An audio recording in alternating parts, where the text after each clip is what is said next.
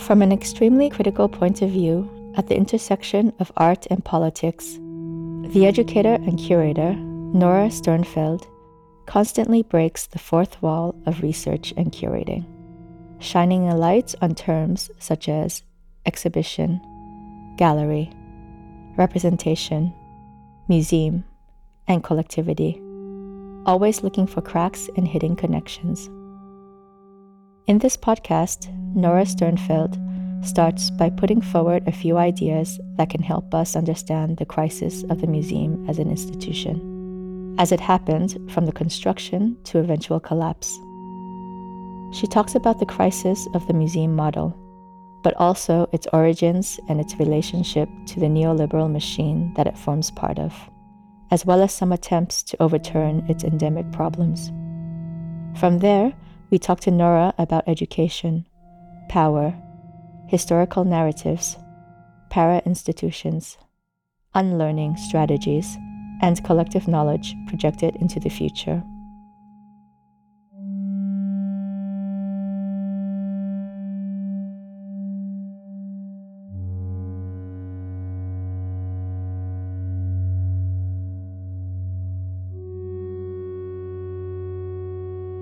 Yeah, this is the question. What does it mean that everything can be turned into a turn. What does it what does it tell us? I have the feeling that what all these things that are turned into turns have something in common. Like educational turn, discursive turn, participatory turn or whatever. Choreographic turn, sonic turn. What they have in common is that they are in somehow answers to a certain crisis. Crisis of the museum as it was. Now, the museum is in crisis, and this means that um, it is about to change. Many museums have already changed. Many museums call themselves still public institutions, but it's questionable if they are still public or already corporates. Nevertheless, I would say that this what what is then called this turn and that turn and this turn and that turn is a is a part of something that is not able to continue as it was. So instead of seeing this together and um, also instead of coming together in order to think how can this be challenged, not only destroyed by neoliberalism, but challenged for another possible future, this is turned into different turns. And there is a there is a relation I see a relation between the the talk about the turn and the logic of the Biennale in itself. It's a festivalization of a crisis and turning a movement into little trends. The good thing with the turn is for neoliberalism that it comes up and then it will be over. And then there will be the next turn coming up that will be over. And nothing seems less over than the turn from last year. So sometimes it makes sense to use it, to use the turn. For example, to say, let's say, to a historical museum, that is still reproducing the old discourses of the 19th century with all the violent colonial knowledges, with all the structural violent divisions, um, that it's time to turn. And you might be heard. The problem is that when you say that, in somehow you say it and you create an alliance with the neoliberal transformation. Then this is this is a moment of emancipatory education that um, goes two steps further because it gave the hand to the moment of privatization i would say. And then the question is what does it mean and how can we how can we be aware and responsible of this alliance that might be a, a moment to mobilize something to, to make a difference over there because at the end um, we have seen many institutions change and not only to the better, very often to the worse.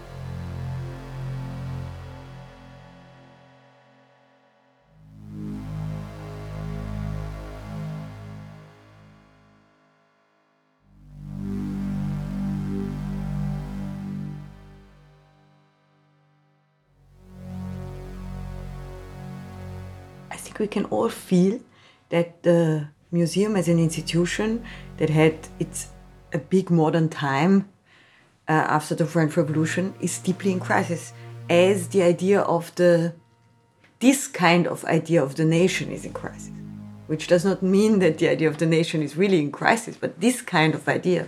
So, for many reasons, the museum as an institution is questioned from so many sides.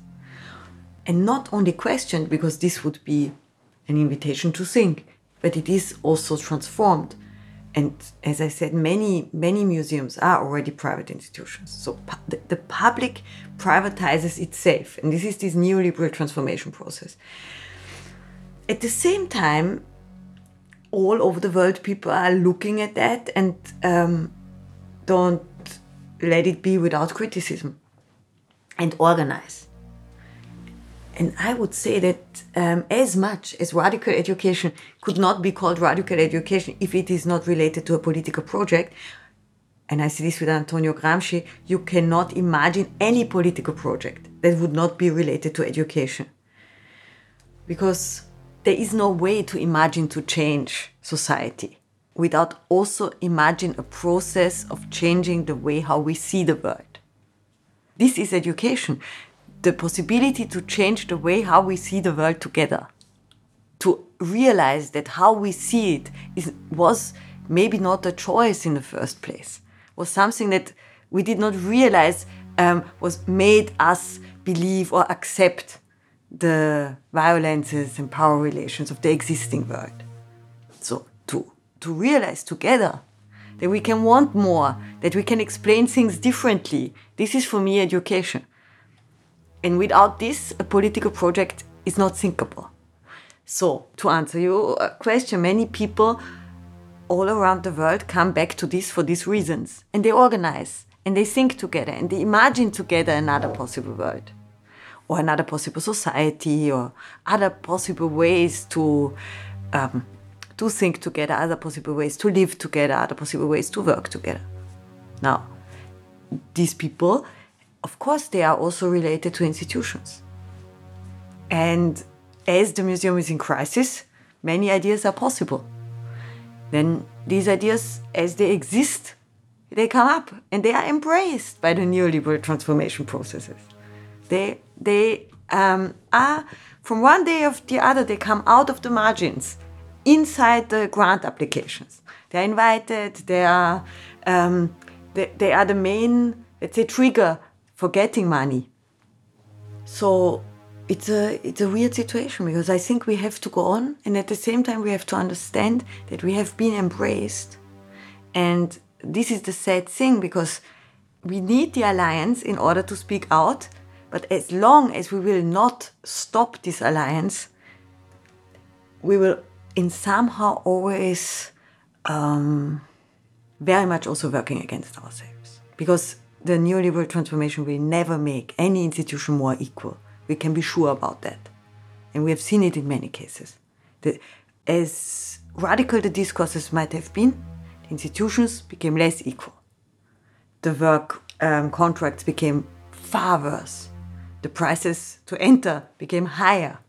The self understanding of the institution became much more hierarchical. Even the main topics became much more dictated by the money givers and so on. So if we don't want to lose, we have to find a new way to work.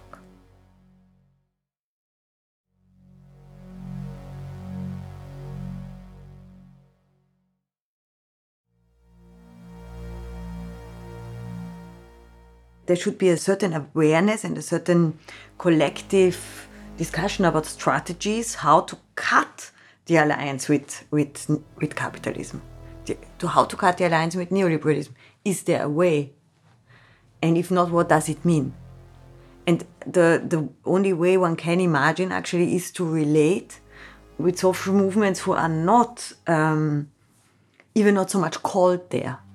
This is what I'm thinking about. And also to think about, and, and I, I mean, but I don't mean only anti racist social movements. I mean them, and I really also see that each new trend marginalizes others. And I think it is very, very important to clearly realize that each time when someone speaks, also some possibilities of, of voicing um, are kind of marginalized at the same time. So, yes, it means this kind of solidarities, but it also means to realize that by by allowing these alliances of certain discourses and even queer discourses, we know it well, even post colonial discourses with neoliberal capitalism, there is, there is a creation of a white working class that actually has nothing to say anymore and has to feel ashamed for even what they think and feel. And to allow this, you know, to allow for myself to understand that my ideals um, and my way of working and my everyday practices create create like a group of people who would then really like even for me look so scary. This scares me. And i see a certain even you know, social strategy in this. And so i mean the only way is to find ways to go against that. To propose educational models that would be that would allow also white working class men to be solidaric. And, and that would not mobilize the possibility to finally, I mean, uh, speak about the structural racism of our societies only to the cost of the possibility of, of this kind of alliance. Why do I say the cost? Because I think it is still important that if the mobilization is built on partly on resentment, won't be possible to align. This is clear.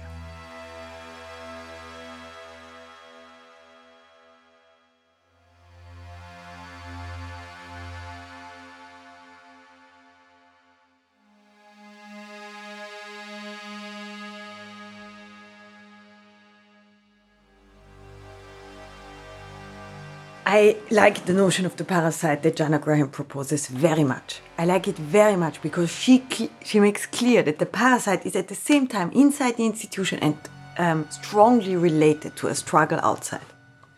And this is exactly, I think, the only way how this uh, ongoing mixing and alliance between neoliberalism and these radical education practices can be challenged. To insist and persist in being, I mean, a double agent maybe, to, to being someone who is at the same time inside the institution and strongly related to social movements that would not be inside the institution.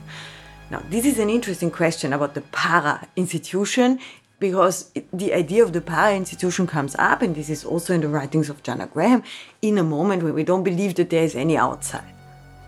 Good, so there is no outside. Of course, there is no outside of this world of this society that is organized through through a politics that internalizes all of us in it. Of course, there is no outside, but this doesn't mean that there are not different kinds of insides. And to bring and each each of them in somehow has some rules and logics and you can play these rules and logics also out against each other if you create alliances so for me what is very important in the concept of the Paramuseum is one, the acceptance that there is no outside, and that the only place where we will ha- have to build the imagination of another society is inside, but at the same time, that this inside is not totally organized, so that contradictions can be part and contradictions can be at the base of alliances.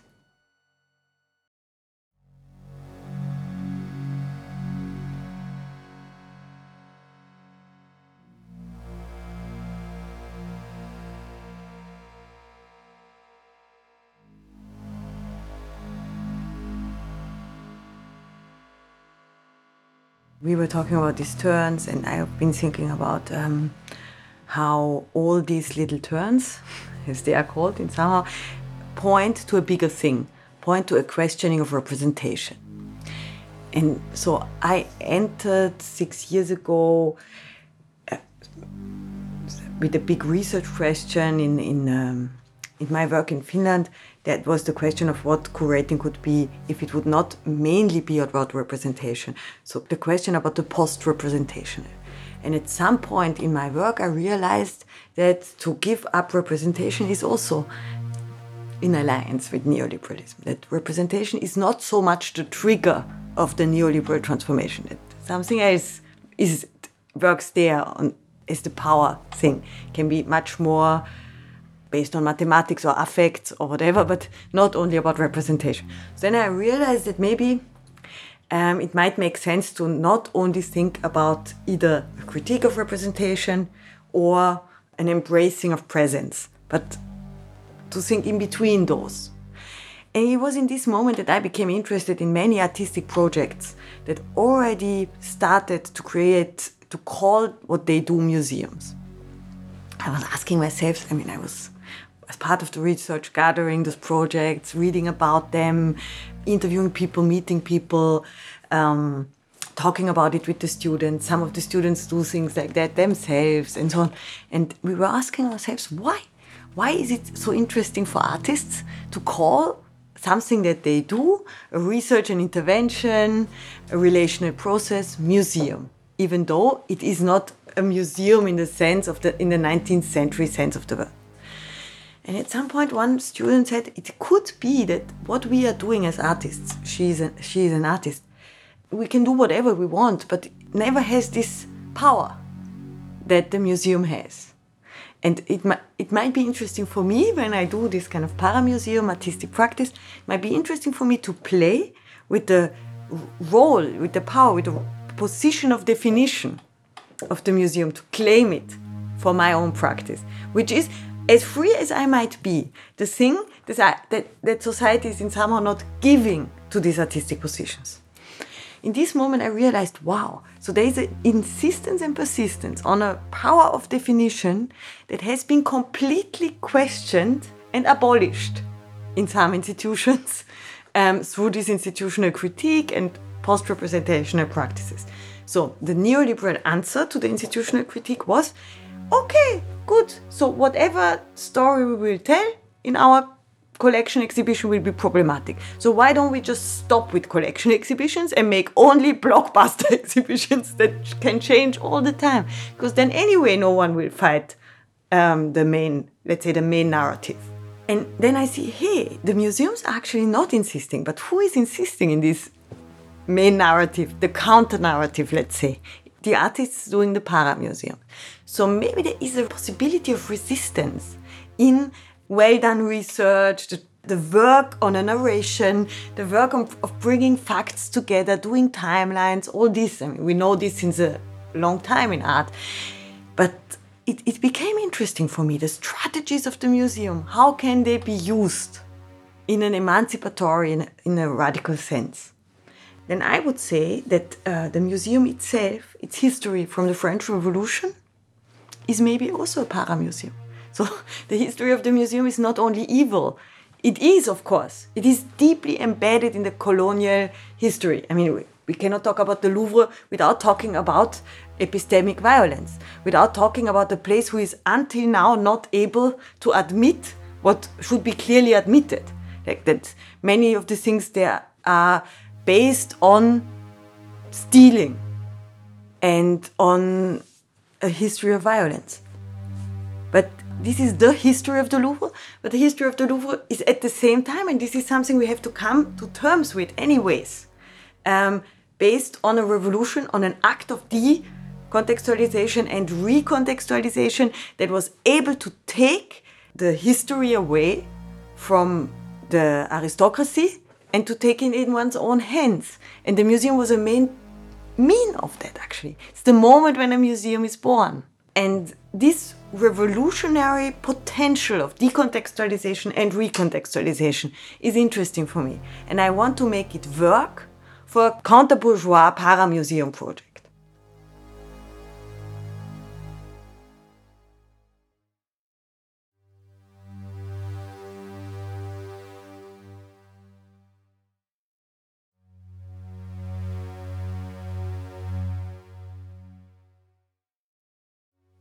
Yeah, this is um, an idea that I very much owe to Bonaventure Ndikung, who is the founder of SAVVY Contemporary and in Berlin and was one of the curators of the Documenta 14.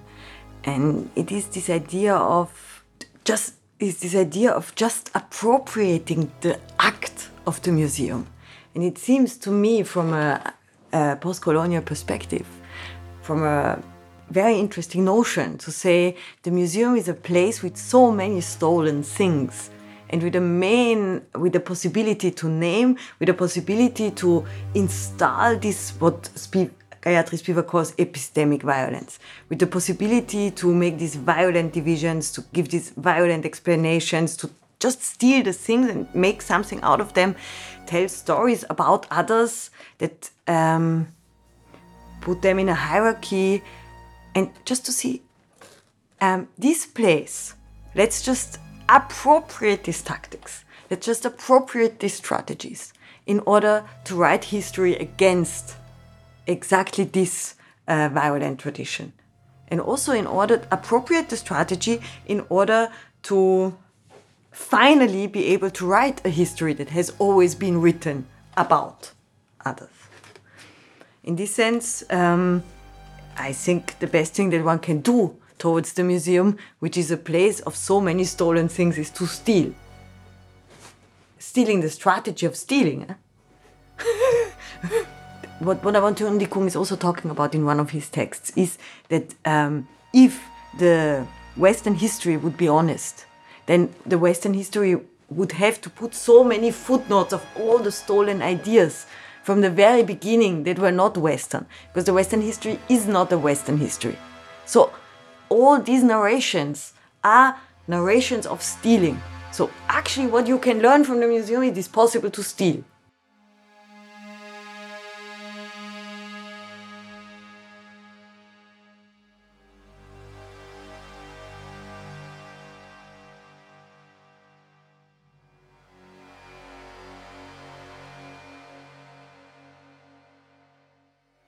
In Vienna, we have this curatorial program that is um, bringing together museological discourses and, and curatorial practices coming as much from cultural history as from contemporary art. We're doing this since many years, um, more than 10 years. And we, of course, we read a lot of texts about the history of the museum. We talk about the violences, the problematics. We, we also um, do curatorial projects together. And so then also we do excursions and we went to we went to Berlin and we see SAVVY Contemporary and then there's this moment when we sit in this fantastic library and Bonaventure shows these very interesting magazines also um, from the 70s, um, art magazines from, from different places in Africa. And then one of the students comes up with this question and she says, um, she asks, but I don't understand what you are telling us. Isn't the museum a Western idea? And in this very moment, I, I that I felt ashamed for the students. I felt like, why are you coming up with this now in this moment here? But Bonaventure Ndikung did not feel ashamed or anything or angry or anything at all.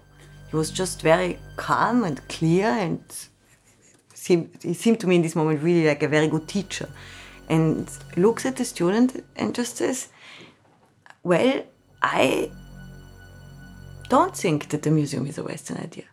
I think that the idea that the museum is a Western idea is a Western idea. And for me, this triggered a lot. It completely, from, from this moment on, my understanding of the history of museums became, was falling down and I had to rethink it from the beginning. So now, from there, I thought, okay, wow, what do we actually understand by a museum? Then I was thinking that actually there is a hegemonic definition of the museum that is renewed and renewed and renewed um, in this international committee of museums meetings. That it, then I realized, wow, this is ICOM. ICOM is an is related to the UNESCO. It is actually, there's a clear link. I mean, this is part of the UNESCO. It was um, brought into life after the Second World War, just like UNESCO. So we have, until then, I knew from critical museology that we have to think critically about the national history of the museum. But then I understood from, from this that I have to look at the history of the transnational definition of the museum that is part of a Western construction after the Second World War, where people from all over the world come together at these international meetings to define together what a museum is. And it is interesting because on the website of ICOM, it's very well documented. One can see how this definition of the museum changes since the 40s. And, and one can see what seemed important at one point.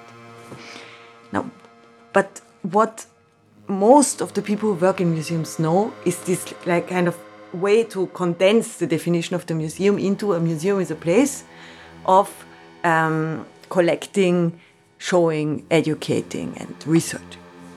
This is in somehow you can take this out from this definition and then you have it and then you think I know what a museum is and interesting because we did a lot of analysis also in classroom of these different definitions and what you see what is important for the definition of the museum in this ICOM transnational sense is that it is not a gallery on the one hand not a, and that it is not a, a community center on the other. So it has to have some clear things that makes it different from, from those other things. Um, yeah and then i was thinking wow this is a this is a transnational Western dominated definition of the museum. We don't have to understand it like this. We could understand it as something else. We could say a museum is a place where, where people and things come together in order to try to understand what happened in the past, to discuss what this means for us today in order to imagine another possible future. So, if we would say this is the definition of the museum, then museums would be all around the world. This is a this is a thing that happens all around the world.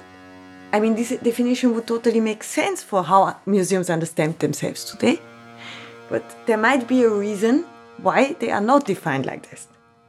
And then I went back to my own knowledge, to the books we, to the, let's say, the bibliographies we give to our students, to our own teaching of the history of museums.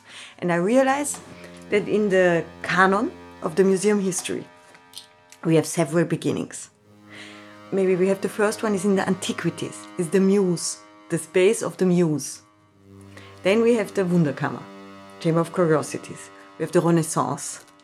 And then we have the French Revolution, the moment of the Louvre.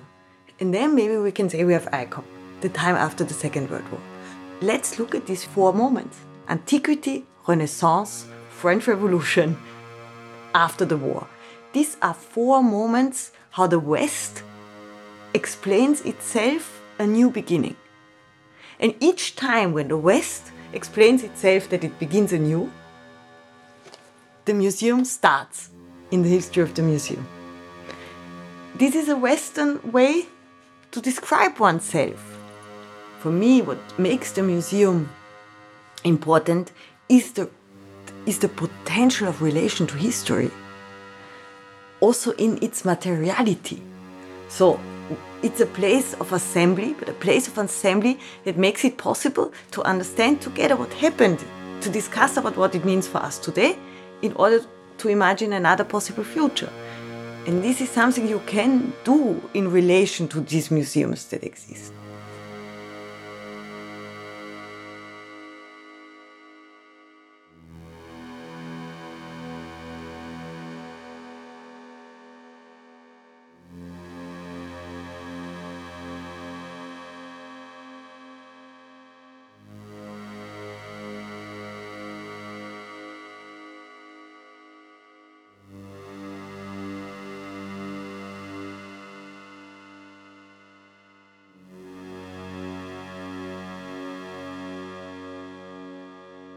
It is not about uh, getting rid of the histories of violence. This is impossible and it would be also sad and stupid. The idea is to remember the history of violence, also in order to take responsibility for it.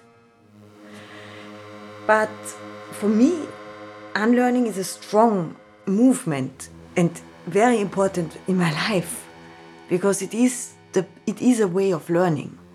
It is the possibility to learn to question what seems to be knowledge and to understand that um, what seems obvious to me could also be thought differently.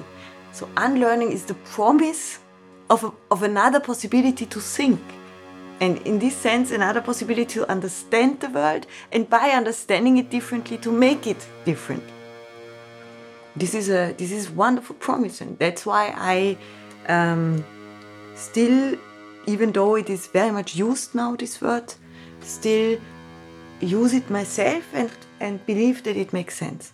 Why is it so uh, common to use it? Why is it also so easy now? It has something to do with the fact that actually during the neoliberal transformation process, everyone has to unlearn the everyday knowledge about, the, about their rights because rights are taken away from people. It's the right for unions, it's the right for holidays, all these things rights that have been fought for are taken away from people. And actually, what unlearning also means in the neoliberal sense is that people unlearn their rights. This is, this is sad. And here again, there's an alliance between a very important um, word of post colonial theory and practice and a neoliberal transformation. But we cannot, I mean, not all the words will be taken away.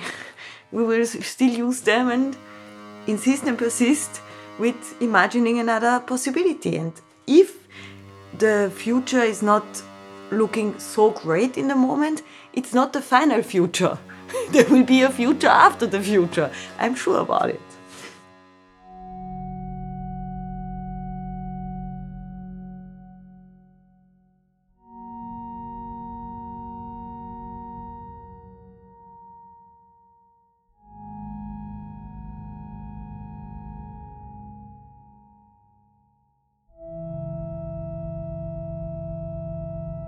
From post representation, so representation, presence, and pre presentation. Yeah. Yeah, it's, I, I, if my, in my definition of the museum, you have all of them. It's important for me not to give up one for the other, not to let myself buy in presence or something. So I think this is actually the possibility of the museum and also, also its materialities. It is a possibility to um, also against the post-factual. It's a possibility to um, have all these materialities there. You have to relate to something that happened. You will never really completely know it, but you cannot invent it. There, there are these things there. So together you can try to understand them. And then when you understand them, you also have to understand that you understand them from today. And it is not without any reason that you do it. You do it because you want to go on, you want to go further, you want to go differently. And this is this is this relation for me of representation, presence, and pre-presentation. And in my research, I understood that to give up representation is actually dangerous. I, do, I, I wanted to go there because I came from representation critique, but now I understand that democracy and representation are coming together. Some activists talk about prefiguration, or um, Oliver Marchart, the political theorist who works about art, also in relation to some artistic practices, talks about pre-enactment. So what I am actually interested in this concept is to imagine another future and to live it already now.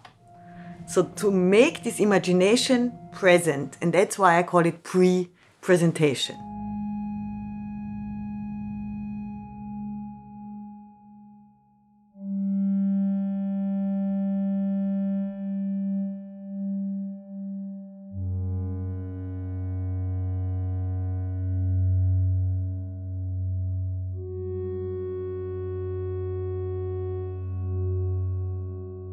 How can we learn something that doesn't exist yet? This is the question of radical education. If you think about it, it is about this fact that revolution is as much moment as it is process. And if we think it as process, then it, this means that in order for the moment to happen, it has been thinkable since some time and from many people. So it is about learning something that doesn't exist yet. How can we learn something that doesn't exist yet?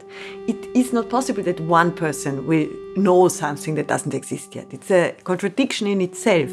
But together, each of us has a bit of a knowledge of something that doesn't exist yet. So, together, if we bring these imaginations together, we can build on a possible imagination that can grow stronger and stronger.